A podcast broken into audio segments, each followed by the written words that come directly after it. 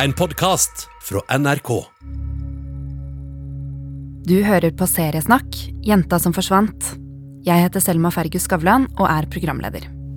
Og jeg heter Ellen Wessel og er vitnepsykolog.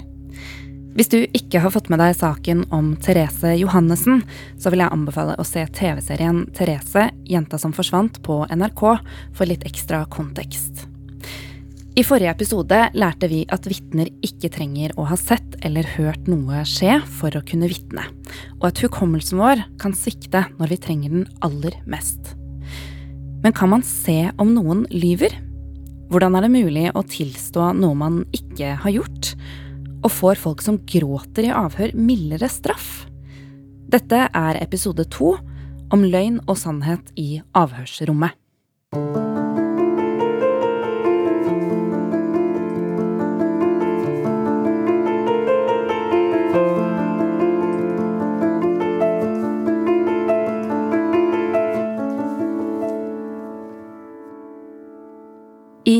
1988, da Therese Johannessen forsvant fra Fjell i Drammen, var avhørene et viktig verktøy for politiet.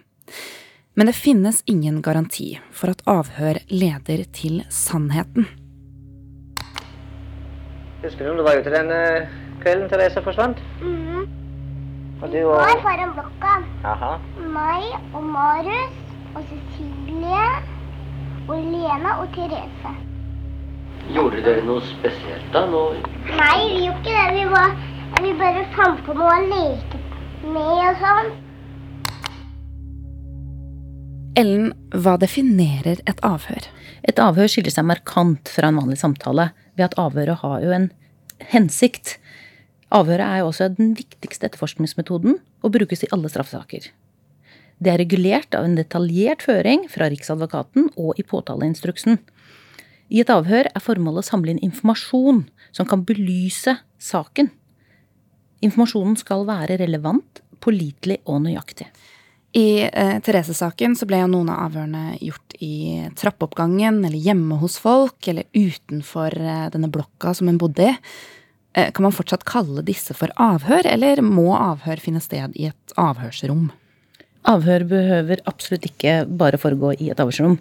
Det er veldig ofte at politiet kommer til et sted for å egentlig bare finne ut om det har skjedd noe straffbart. Og ved å snakke med folk så kan de få informasjon om at oi, her har det skjedd noe. Og noen ganger går disse samtalene over til avhør når de får informasjon som er relevant eh, for å belyse saken de står overfor og skulle løse. Og da, da går en vanlig samtale over til eh, et avhør. Og da er det en del ting som skal skje, for da skal det følge disse prinsippene som er regulert av Riksadvokaten og påtaleinstruksen. Og da må du f.eks. gi rettigheter til vitnet. Og fortelle de at noe går over, over til avhør. Og da skal de sette på lyd. Ja. Og så finnes det jo ulike typer avhør eh, ulike steder. Ja, det kan være selvadministrerende avhør, at folk fyller ut skjema. Det kan være rundspørringer. Det kan være vitnekonfrontasjoner. Så mm, det er forskjellige typer avhør, ja. Hvis man blir eh, kalt inn til avhør da, av politiet, er det sånn at man må forklare seg da? Nei, eh, det er flere som ikke har plikt til å forklare seg for politiet. Men for retten så har de fleste plikt til å forklare seg. Med unntak av siktede, mistenkte eh, og dens nærmeste familie. Og det er jo for at familien ikke, eller de nære ikke skal være med på å, å dømme et familiemedlem. Um, og ikke heller utsettes for den belastningen det er å eventuelt måtte stå i retten og vitne. Um, leger, altså folk som har taushetsplikt, uh, de kan la være så fremt ikke denne taushetsplikten blir uh, opphevet. Og folk som sitter på viktig informasjon for rikets sikkerhet.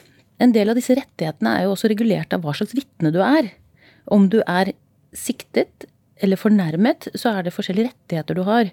For eksempel dette med bistandsadvokat hvis du er fornærmet, og en forsvarer hvis du er eh, siktet. Og det er det veldig viktig at eh, politiet husker å gi de disse rettighetene.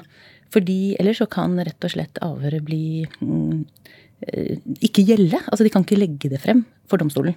Ja, ok, Så det kan bli helt uh, ugyldig, Ja. rett og slett? En siktet skal vite at han ikke har plikt til å forklare seg.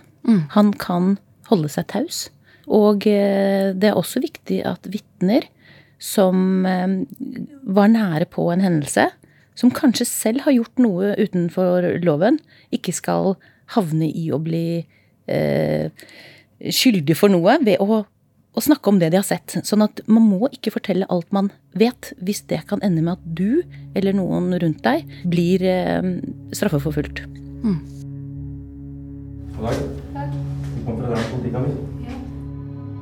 Så snakker vi med en og en. Hva vet du om saken? Hvem var du sammen med? Hva gjorde du? Hvem andre har du sett? Det er en veldig effektiv måte å nå over et stort område eller stor mengde personer på kort tid for å finne ut hvem er det vi må snakke videre med. Det ble gjort avhør av flere tusen personer etter at Therese Johannessen forsvant. Hvordan var det å sitte i avhør i 1988? Det var annerledes enn nå. For nå har vi strukturerte avhørsmetoder som er regulert av eh, ganske mange andre regler. Vi skal gå nøyere inn på akkurat beskrivelsen av hvordan de, de nye er, men den gangen så var et avhør litt opp til den enkelte avhørsleder, altså den som avhørte. Av den erfaringen han eller hun hadde, hva de syntes fungerte.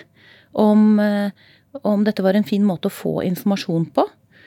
De hadde heller ikke så strenge krav på hvor bredt de skulle avhøre. Sånn at uh, ofte så var det jo de bevisene man hadde, og det man hadde tro på at kanskje hadde skjedd, som la føringen for hvilke spørsmål de stilte.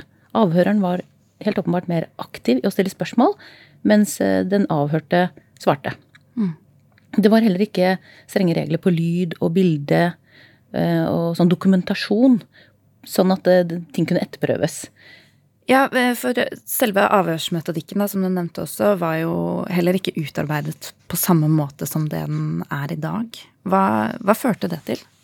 Det er jo vanskelig å vite akkurat hva det førte til. Men det er klart at denne individuelle stilen til avhørslederne og deres tro på hva som ofte fikk Noen følte at de var veldig flinke til å løse saker. Og hvis det medførte at de egentlig hadde et ganske sterkt tunnelsyn og har påvirket vitner under avhørene. For det er klart at avhørere som stiller ledende og lukkede spørsmål, kan påvirke vitnet.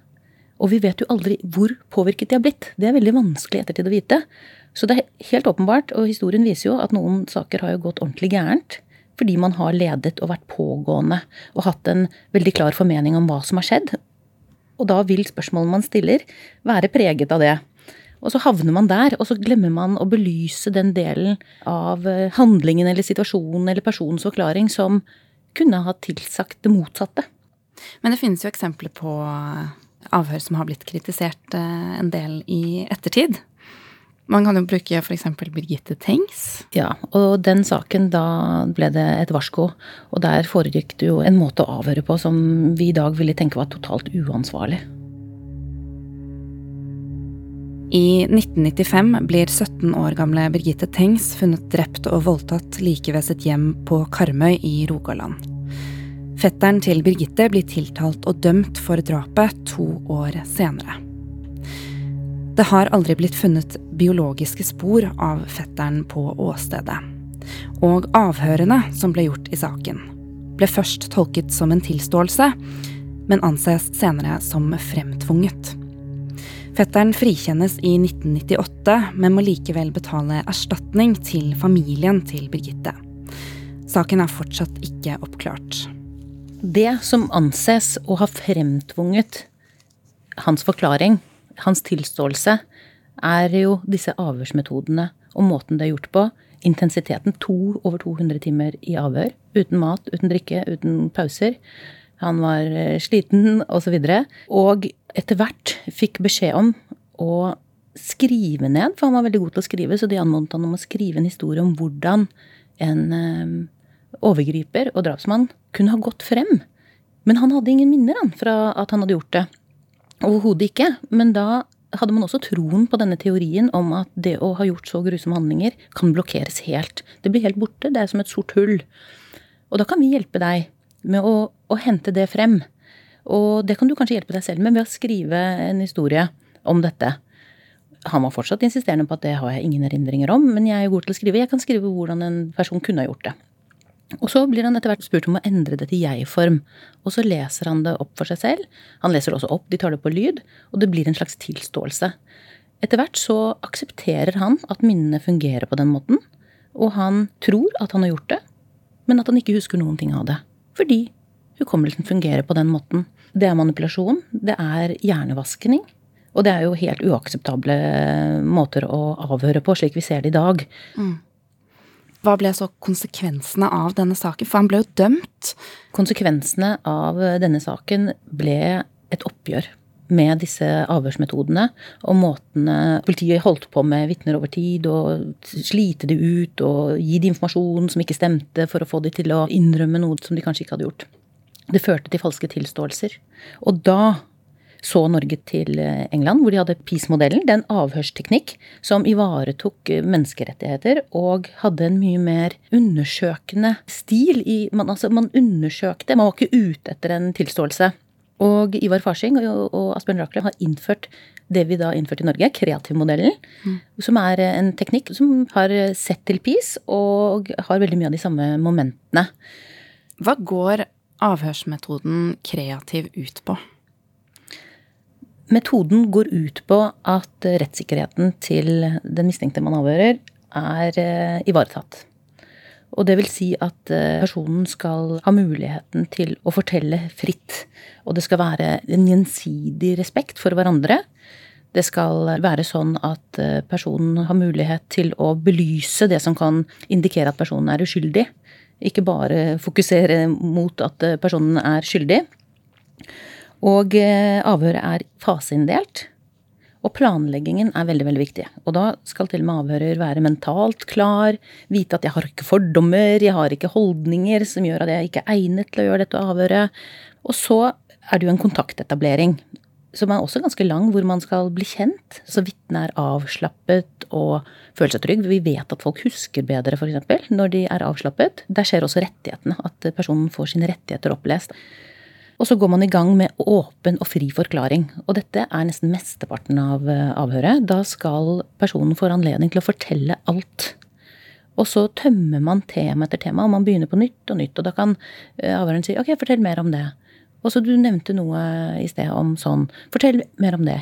Helt ned til det minste små tingene du gjorde. Når dette er gjort i runde og runde, som kan ta lang tid, noen ganger kommer man ikke lenger i det første avhøret. Så kan man gå over til det som heter eh, sondering og konfronteringsfasen. Der vil avhører forsikre seg om at han har forstått vitnet godt. Har jeg forstått det riktig? Du sier at sånn og sånn. Da får man anledning til å rydde opp i det og utdype enda mer på de forskjellige temaene. Og så kan avhører stille de spørsmålene han lurer på, eller hun lurer på, i forhold til de bevisene de har. Eller kanskje informasjon som er motstridende i forhold til det vitnet har forklart. Du sa dette, men vi har informasjon om at det var sånn. Hva tenker du om det? Og så skal man ha en sånn eh, oppsummering å gå igjennom. Da skal eh, personen få lov til å høre igjennom, eventuelt hvis det er lydfilen, eller lese igjennom. Og skal kunne signere og godkjenne det som har kommet frem. Sånn at eh, vitnet blir jo ivaretatt på en helt annen måte. Er det noe man absolutt ikke bør gjøre i disse avhørene? Ja. Det er en del ting man absolutt ikke skal gjøre, og det er å presse frem en tilståelse. Man skal ikke stille lukkede eller ledende spørsmål. Man skal ikke gi opplysninger som ikke stemmer, eller som man er sikre på at ikke stemmer. Man skal ikke lokke eller forvirre, for det skaper jo stress, ikke sant? og det låser jo antageligvis hukommelsen. Man skal ikke slite ut noen. De skal få pauser, de skal kunne få vann eller fått i seg litt mat hvis de trenger det. Man skal ikke bruke ironi eller spøk, fordi det kan skape usikkerhet. Og avhøreren skal i hvert fall ikke la egen magefølelse eller intuisjon legge føringer. Med en gang du på en måte har en veldig sterk oppfatning av at denne personen lyver jo. Jeg ser at hun snakker sant nå, eller noe sånt nå. Så vil det med en gang påvirke de spørsmålene du, du bruker. Så det, det skal man være veldig var på. Man skal være objektiv og åpen. Det finnes få lydopptak av avhørene fra Therese-saken. Og i dokumentasjonen av avhørene så eh, er ikke spørsmålene som ble stilt under avhør, med. De er ikke notert ned. Når begynte man å filme eller gjøre opptak av eh, avhør? Og må man, må man gjøre det i dag? Akkurat når man begynte med det, og når det ble et eh, absolutt krav. Det er ikke så lett å lese seg til, men det ser ut som at i 1998 så er det barn først som man fokuserer på, og at dommeravhør av barn skal kunne gjøres i et rom med teknisk utstyr. Og det var jo litt for å skåne barnet fra å måtte møte opp i, i vitneboksen. At det var en veldig påkjenning. Man ønsker å ha, ha det tilrettelagt. Da krevde man også at det skulle være på lyd og film, slik at de som hadde tilknytning til saken, kunne sitte i et siderom og følge med. Og også i pauser gi råd til avhører om spørsmål de ønsket utdypet osv. I 2015 så ble det jo da også eh, ytterligere bestemt at barn skulle under 16 år skal ha tilrettelagt avhør, at de skal være spesialtrenet, de som gjør avhør av barn. Nettopp fordi de er så lett påvirkbare og må ha en spesiell kunnskap om hvordan barns utvikling er osv. For å være sikker på at eh, det gjøres forsvarlig. Da. Mm. I dag har jo bedre utstyr eh, gjort det slik at lyd kan også brukes på stedet. Altså man har uh, maskiner. Vi vil at alle avhør helst skal være på lyd, uansett hvor det gjøres. Uh, og med en gang du er i et avhørrom, så har man jo muligheten for både bilde og lyd. Og både fornærmede, siktede eller mistenkte skal alltid tas på lyd og bilde. Og det skal være spesielle grunner til at man ikke tar opp ting på lyd, f.eks. Uh, og det er jo etterprøvbarheten. Det er sikkerheten og rettssikkerheten til vitnet, men også egentlig til politiet.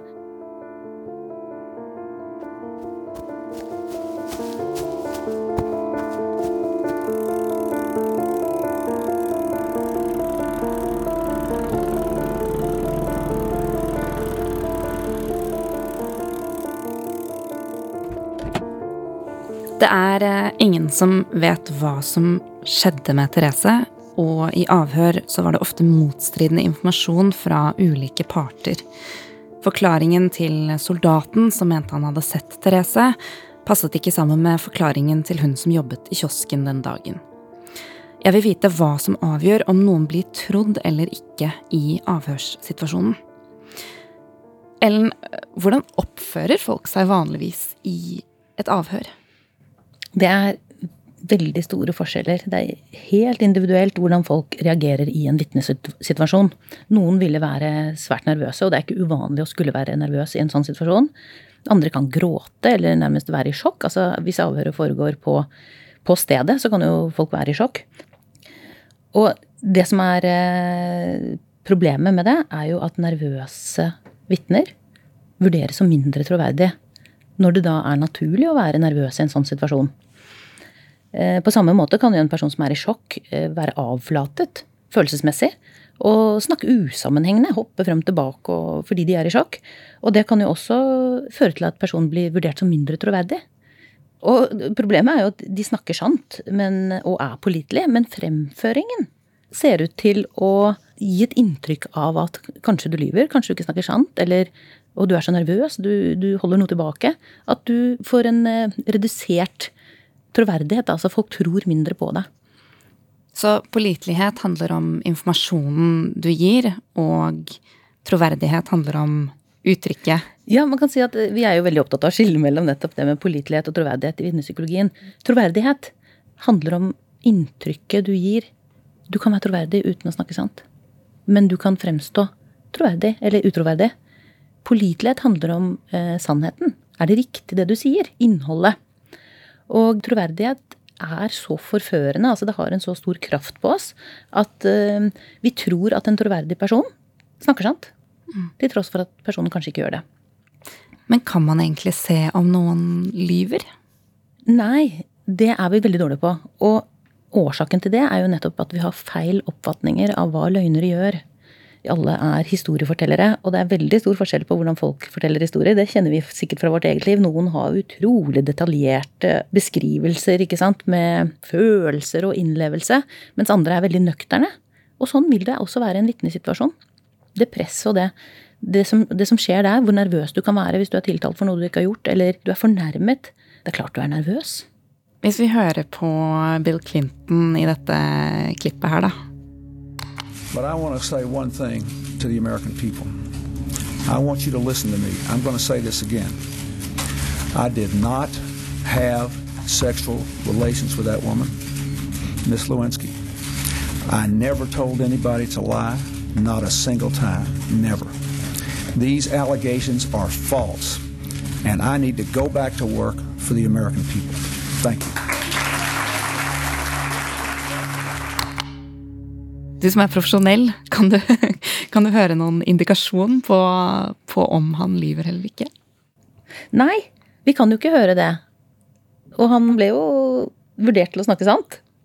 Så vi kan ikke se en løgner med det blotte øyet. Folk lyver på veldig forskjellige måter. Og noen er skikkelig gode på lyve, sånn at de har trent seg opp. Og andre de blir jo aldri trodd fordi de gjør så mye rart. Og det er jo fordi vi har feil oppfatninger av hva løgnere gjør. Det flest setter nummer én, og da har vi gjort sånn verdensomspennende undersøkelser, er at folk flakker med blikket. Det gjør ikke løgnere nødvendigvis. Sikkert noen som gjør det, men det er veldig mange som ikke gjør det. Selvsikkerhet har en tendens til å få folk til å oppleve deg som troverdig. Um, og selvsikkerhet, det kan reflekteres i at du på en måte har en lineær forklaring. At du står stødig og er skråsikker på det du har sett. Nå viser det seg faktisk at selvsikkerhet og skråsikkerhet er negativt korrelert. Da, eller det er en negativ sammenheng mellom skråsikre mennesker og riktige detaljer. De har flere feil i detaljene sine. De som er litt ydmyke for at hukommelsen kan ikke alltid være korrekt, de har faktisk mer korrekte beskrivelser. Mer pålitelig informasjon. Og uro, fikling og skifte av stilling og sånne ting, det anses også Jeg har sett det skrevet i Aver. Nå ble han veldig urolig. Han skifter stilling osv. Så, videre. så nå snakker han sikkert ikke sant. Det er jo helt feil. Eh, forskning viser at eh, løgnere, de blir stille. De beveger seg ikke så mye som de som snakker sant. Men det er veldig vanskelig likevel skulle silte telle det da, i et avhør. Sånn at det er jo ikke noe vi kan eh, regulere eller finne ut av.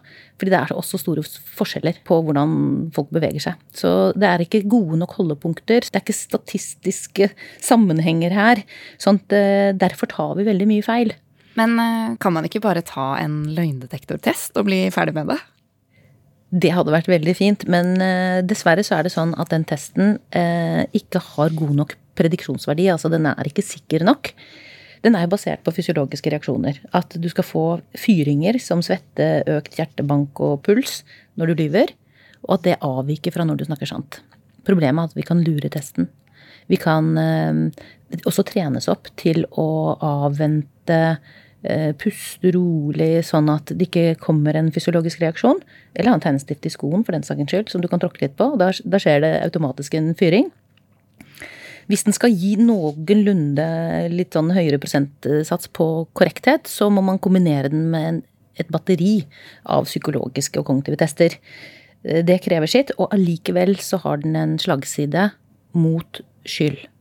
Det vil si at eh, folk kan bli dømt skyldig uten å være det. Den brukes ikke i Norge, og ikke i lignende land som har et sånt rettsvesen som vi har, men i Canada og USA. I noen stater så brukes det. Mm. Hva har det å si for troverdigheten hvordan en person i avhør oppfører seg? Det kan faktisk ha alt å si. Og være avgjørende for om en person blir trodd eller ikke. Og særlig i de sakene hvor det er ord mot ord, og man rett og slett skal vurdere hvem er mest troverdig. ikke sant? Eller egentlig skal man vurdere hvem er mest pålitelig. Men troverdighetsinntrykket, det, det blir allikevel gjeldende. Hvem er det jeg tror mest på? Det er det det står på. Hvem forteller egentlig den beste historien på en best måte? Eh, særlig når man ikke kan kontrollere med andre bevis. Og en person da som har god sosial kompetanse og er flink til å fortelle, vil jo ofte trumfe. Kontra en som ja, er en dårlig historieforteller og, og kanskje har en litt sånn klønete fremtoning. Det, det, det, ser ut til å ha en veldig sterk effekt. Og noen av den forskningen vi har gjort, eh, sier jo at eh, troverdighet trumfer noen gang også bevis. At man vrir litt på bevisene. Og et troverdig inntrykk det har en tendens til å forføre oss i så sterk grad at vi lytter selektivt til hva personen forteller. Vi lytter til det som er i overensstemmelse med denne forførte opplevelsen. Og så luker vi rett og slett bort det som kan tale imot. Kan det ha noe å si om du virker redd eller gråter eller Ja, dette med følelser, som for så vidt er mitt forskningsområde, har jo tatt en doktorgrad på følelser og troverdighet. Det kalles noe emotional witness-effekt internasjonalt. Det har en så sterk forførerisk eh, egenskap at altså vi forventer rett og slett at folk skal vise visse følelser. Særlig ofre, noen som har opplevd noe. Desto mer gråt, desto verre har det vært. Og hvis du ikke ikke viser noe følelser knyttet til eh, det å være et offer, så begynner folk å være skeptiske. Og troverdigheten raser. de, de tror ikke på nødvendigvis i så stor grad hva du forteller. Og for tiltalte så har det jo en veldig, veldig sterk effekt. Han, eh, en tiltalt som gråter når han fortvilet prøver å si at men jeg trodde hun var med på det. Ikke sant? Eh, han oppleves jo som for det første en angrer, og at han har lært av dette, at gjentagelsesfaren er mindre. Og det slår ut på skyld. Hele to år i strafferabatt kan han risikere å få, har vi målt i våre studier, ved å gråte. Og dette har noe med en forventning, og den, dessverre så er jo den forventningen helt feil. Fordi folk som virkelig har vært utsatt for dramatiske hendelser, traumer eller overgrep, de viser seg jo å være oftere avflatet. Og de taper jo, da. De oppleves jo som ikke troverdige. Så, så følelser, særlig upassende følelser, eller noe som går helt på kryss av hva du står der og forteller om, det gjør at, vi, at det skurrer for oss. Og da skrur vi på den skepsisen som gjør at vi leter etter feil i forklaringen, og den informasjonen som bekrefter at denne personen snakker ikke sant. Trippeldrapet på Orderud gård i Sørum i 1999 ble en av Norges største drapssaker. Det er ikke kjent hvem som faktisk utførte drapene, og ingen er derfor dømt for drapshandlingen, men fire mennesker har sonet straff i saken. En av dem er Kristin Kirkemo. Et jurymedlem forteller her om sitt inntrykk av Kirkemo under rettssaken.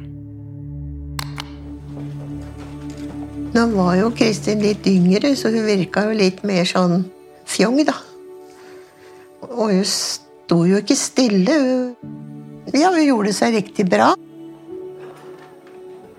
Vi fikk jo høre av en person i juryen at Kristin var så sprek, så hun kunne umulig ha gjort noe sånt noe. Utseendet viser seg å ha en innvirkning på både skyld og troverdighet. Kvinner som er pene, eller menn som er kjekke, vurderes som mer troverdige og mindre sannsynlige kriminelle. Og det er særlig penhet i de uskyldige trekkene som ser ut til å kunne øke troverdigheten. Litt åpne øyne og, og rundere, mykere linjer i ansiktet. Og det kan reflekteres også i klesdrakt. At de er pent kledd. Som igjen kan reflektere sosial status. Sosial status ser også ut til å virke inn. Godt ordforråd, som igjen reflekterer høyere utdanning, som også ser ut til å eh, øke troverdigheten. De fleste ville nekte på at det påvirker dem, men vi har jo sjekket ut. Det påvirker.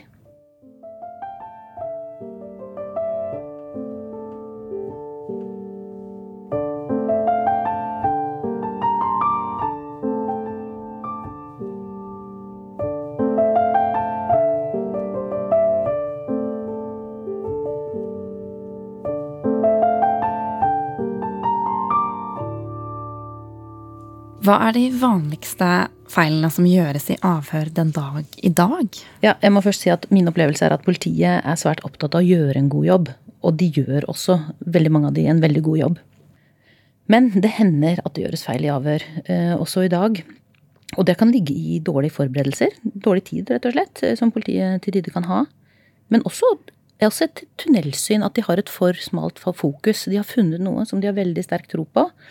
Og det liksom ubevisst påvirker i avhøret hvilken retning man går, og hva man åpner opp for. Og man tømmer da de temaene man er mest interessert i, i større grad. Også andre små ting som kan påvirke. Bare intonasjonen i svaret til en avhører kan jo indikere at man er interessert, eller skaper en interesse. Eksempel hvis du svarer noe, og så sier jeg ja, kontra ja, så har du allerede plantet en interesse eller en føring på hvor du vil, og hva som er interessant å snakke om. Og noen ganger kan jo de detaljene vise seg å være veldig viktig. ikke sant? Og for barn vil det være veldig dramatisk. Barnet tror de snakker feil, eller at det, skaper usikkerhet. da. Mm. Men avhørere er jo mennesker, og vi går jo for å være de flinkeste i verden, da. Med den metodikken som da er innført, og som man skal følge. Og de har fått mye kunnskap om hva som kan gå galt. Og jeg tror den beste beskyttelsen vi har, er jo at du faktisk veldig gjerne vil gjøre det bra, og de er redd for å gjøre feil. Det gjør at de har en bevissthet rundt det, og er villige til å vurdere sin egen avhør og, og bli bedre. Det har skjedd veldig mye siden Therese forsvant på 80-tallet. Vi kan analysere DNA-spor, vi har tekniske hjelpemidler, digitale spor og moderne maskiner. Så hvor viktig er egentlig avhør i etterforskningsarbeidet i dag? Avhøret er fortsatt av sentral betydning i all etterforskning, og spesielt i sakene der bevisene er få. Og det er jo sånn at et godt avhør kan oppklare en sak, mens et dårlig avhør kan lede oss eh, til eh, henleggelse, eller at eh, man følger feil spor.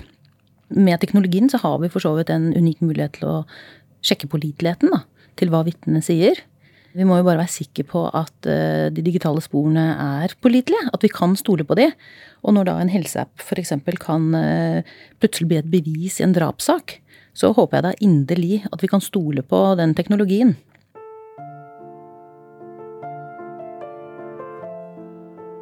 I denne episoden så har vi lært at uh, de minste detaljer av ett eneste avhør kan avgjøre hvilken retning en sak ender opp med å gå. Heldigvis så har man utviklet gode metoder for å unngå falske tilståelser, etterforskning basert på magefølelse og ledende spørsmål. Men det får meg jo til å lure på hva som egentlig skjedde i det avhørsrommet da den svenske psykiatriske pasienten Thomas Quick i 1996 sa at han hadde fortrengt å ha drept Therese. Kan man virkelig glemme at man har drept noen?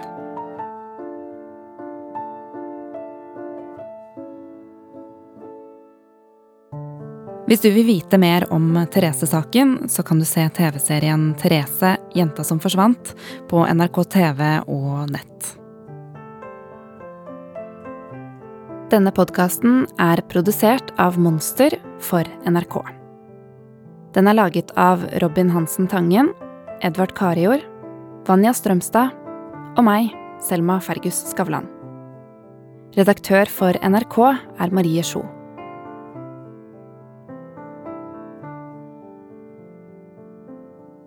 Du har hørt en podkast fra NRK. Hør flere podkaster og din favorittkanal i appen NRK Radio.